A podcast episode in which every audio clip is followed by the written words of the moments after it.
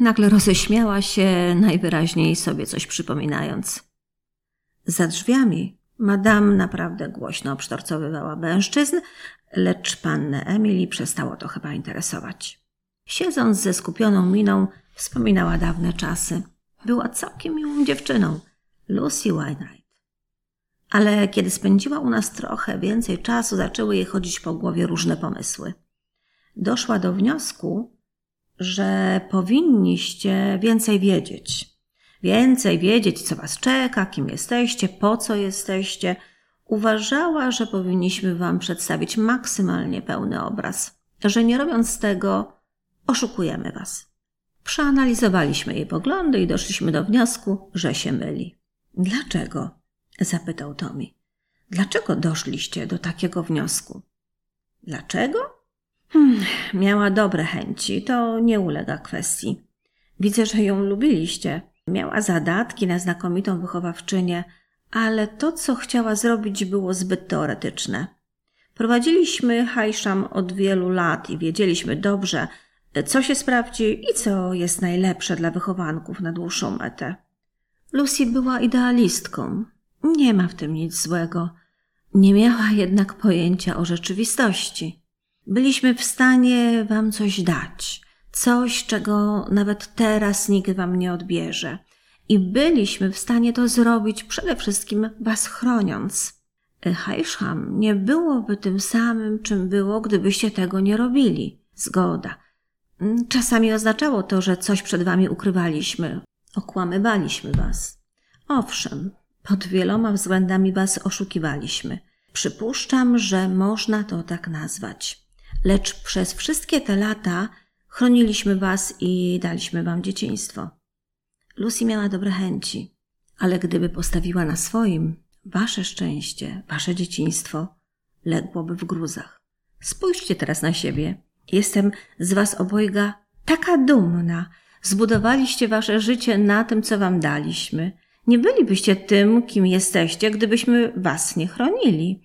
Nie uważalibyście na lekcjach, nie zajmowalibyście się z takim zapałem i sztuką i pisaniem.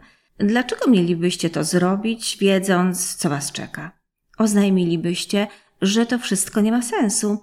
I cóż moglibyśmy wam odpowiedzieć? Dlatego Lucy musiała odejść.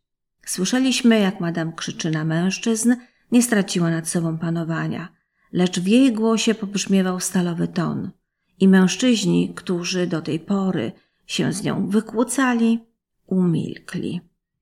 Właściwie równie dobrze mogą tu z wami zostać, stwierdziła panna Emily. Marie Claude radzi sobie w takich sytuacjach o wiele skuteczniej ode mnie. Madame nigdy nas nie lubiła, oznajmiłam, ściszając głos i wskazując głową drzwi.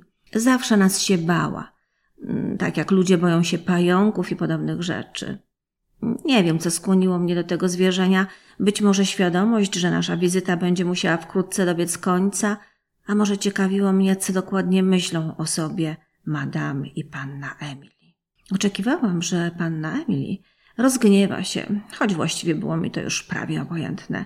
I rzeczywiście zwróciła się do mnie ostro, jakbym rzuciła w nią papierową kulą, a błysk, który pojawił się w jej oczach, przypominał mi czasy, kiedy rządziła w Hajszcham. Ale kiedy się odezwała, jej głos był cichy i spokojny. Marie Claude poświęciła dla was wszystko. Pracowała bez ustanku. Nie miej co do tego żadnych wątpliwości, moje dziecko. Marie Claude jest po waszej stronie i zawsze będzie. Czy was się boi? Wszyscy się was boimy. Ja sama, będąc w Hajszham prawie codziennie, musiałam opanować lęk, jaki we mnie budziliście. Bywały chwile, kiedy patrzyłam na was z okna mojego gabinetu i odczuwałam taki wstręt. Panna Emily urwała, a potem coś ponownie zabłysło w jej oczach. Nie mogłam jednak pozwolić, by podobne uczucia powstrzymywały mnie przed czynieniem tego, co uważałam za słuszne. Walczyłam z nimi i pokonałam je. A teraz bądźcie tak dobrzy i pomóżcie mi stąd wyjść. George powinien tam czekać z moimi kulami. Przytrzymując pannę Emily z obu stron po łokcie, wyprowadziliśmy ją na korytarz, gdzie wielki mężczyzna w uniformie pielęgniarza poderwał się nerwowo i podał jej parę kul. Frontowe drzwi były otwarte i ze zdziwieniem zobaczyliśmy, że na dworze jest jeszcze jasno. Z zewnątrz dobiegał głos madam, która mówiła też coś spokojniejszym tonem do mężczyzn. Wyglądało na to, że ja i Tomi powinniśmy się już zbierać, lecz George pomagał włożyć płaszcz pannie Emily, która stała nieruchomo między kulami i nie mogąc się obok nich przecisnąć, po prostu tam staliśmy. Przypuszczam, że czekaliśmy również, żeby się z nią pożegnać. Być może chcieliśmy jej nawet podziękować. Sama nie wiem. Ona jednak była teraz zaabsorbowana swoją serwantką. Wydała kilka poleceń mężczyznom na zewnątrz, po czym nie oglądając się na nas, wyszła razem z George'em. Tommy i ja staliśmy jeszcze chwilę w korytarzu, nie bardzo wiedząc, co robić.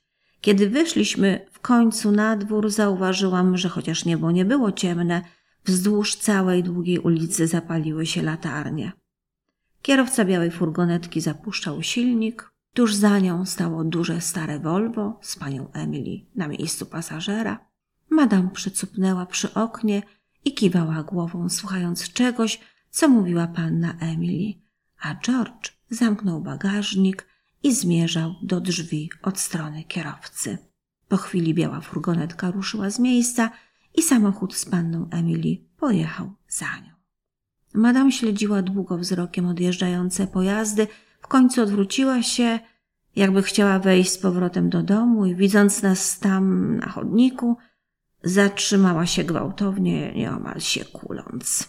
Już idziemy, oznajmiłam. Dziękuję, że pani z nami porozmawiała. Proszę pożegnać od nas pannę Emily. Widziałam, że madam przygląda mi się w zapadającym zmroku. Katie H. Pamiętam cię. Tak, pamiętam, powiedziała wciąż mi się przyglądając. Chyba wiem, o czym pani myśli, stwierdziłam w końcu. Potrafię to chyba zgadnąć. Znakomicie. Jej głos był senny, a spojrzenie straciło nieco na ostrości. Znakomicie. Potrafisz czytać w myślach. Powiedz mi. Widziała mnie pani kiedyś po południu w mojej sypialni. W pobliżu nie było nikogo i puszczałam tę kasetę, tę piosenkę. Wykonywałam do niej coś w rodzaju tańca z zamkniętymi oczyma i wtedy mnie pani zobaczyła. Znakomicie. Rzeczywiście potrafisz czytać w myślach. Powinnaś występować na scenie. Poznałam cię dopiero teraz, ale owszem, pamiętam tamten moment. Wciąż o nim od czasu do czasu myślę. To zabawne, bo ja też. Widzę. Mogłyśmy zakończyć na tym tę rozmowę. Ja i Tomi mogliśmy pożegnać się i odejść. Lecz madam podeszła do nas bliżej, przez cały czas patrząc mi prosto w twarz. Byłaś wtedy o wiele młodsza, powiedziała. Ale owszem, to ty. Jeśli pani nie chce, nie musi mi pani odpowiadać, oznajmiłam. Jednak zawsze mnie to ciekawiło. Mogę panią o coś spytać? Czytasz w moich myślach? Ale ja nie potrafię czytać w twoich. Tamtego dnia była pani hm, zmartwiona. Obserwowała mnie pani i kiedy zdałam sobie z tego sprawę, otworzyłam oczy, chyba pani płakała. Właściwie wiem na pewno, że pani płakała. Obserwowała mnie pani i płakała. Dlaczego? Wyraz twarzy madam wcale się nie zmienił. Wciąż wpatrywała się w moją twarz. Płakałam, odpowiedziała w końcu bardzo cicho, jakby bała się, że usłyszą nas sąsiedzi, ponieważ kiedy tam weszłam, usłyszałam tę twoją piosenkę. Myślałam, że jakaś głupia uczennica jej nie wyłączyła, ale wchodząc do tamtej sypialni zobaczyłam ciebie, tańczącą samotnie małą dziewczynkę. Tak jak mówisz, z zamkniętymi oczyma i rozmarzonym, nieobecnym wyrazem twarzy. Tańczyłaś tak uroczo. No i ta muzyka, ta piosenka. Było coś takiego w słowach, były przepojone smutkiem. Piosenka miała tytuł Nie opuszczaj mnie. Powiedziałam i zanuciłam cicho kilka taktów. Nie opuszczaj mnie. Och, kochanie, nigdy mnie nie opuszczaj. Madame pokiwała głową jakby przyznawała mi rację. Tak, tak, to była ta piosenka. Słyszałam ją potem kilka razy w radiu i w telewizji i wyobrażałam sobie zawsze tę małą, tańczącą, samotnie dziewczynkę. Mówi pani, że nie umie pani czytać w myślach, odparłam, ale tamtego dnia może pani umiała. Może dlatego zaczęła pani płakać na mój widok, ponieważ niezależnie od tego, o czym naprawdę była ta piosenka, tańcząc miałam w głowie jej własną wersję. Wyobrażałam sobie, wiecie pani, że opowiada o kobiecie, której powiedziano, że nie może mieć dzieci. I nagle ta kobieta ma dziecko, jest strasznie szczęśliwa i przyciska je mocno do piersi, naprawdę bojąc się, że coś może je rozdzielić i powtarza: Kochanie, kochanie, nigdy mnie nie opuszczaj. A ta piosenka wcale o tym nie jest, ale wtedy tak to sobie wyobrażałam. Może czytała pani w moich myślach i dlatego jej treść wydała się pani taka smutna. Wtedy nie wydawała mi się taka smutna, lecz teraz, kiedy o tym myślę, chyba jednak jest. Mówiłam do madame, ale miałam przez cały czas świadomość, że to mi porusza się niespokojnie. Wyczuwałam fakturę jego ubrania, wszystko, co składało się na jego obecność. To bardzo interesujące, stwierdziła madame. W tamtym czasie nie umiałam jednak czytać w myślach lepiej niż teraz. Płakałam z zupełnie innych powodów. Patrząc z tamtego dnia, jak tańczysz, widziałam co innego. Widziałam nadchodzący raptownie nowy świat. Owszem, bardziej naukowy i racjonalny, radzący sobie ze starymi chorobami.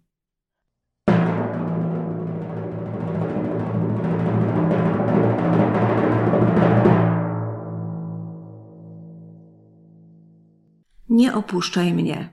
Kazuo Ishiguro.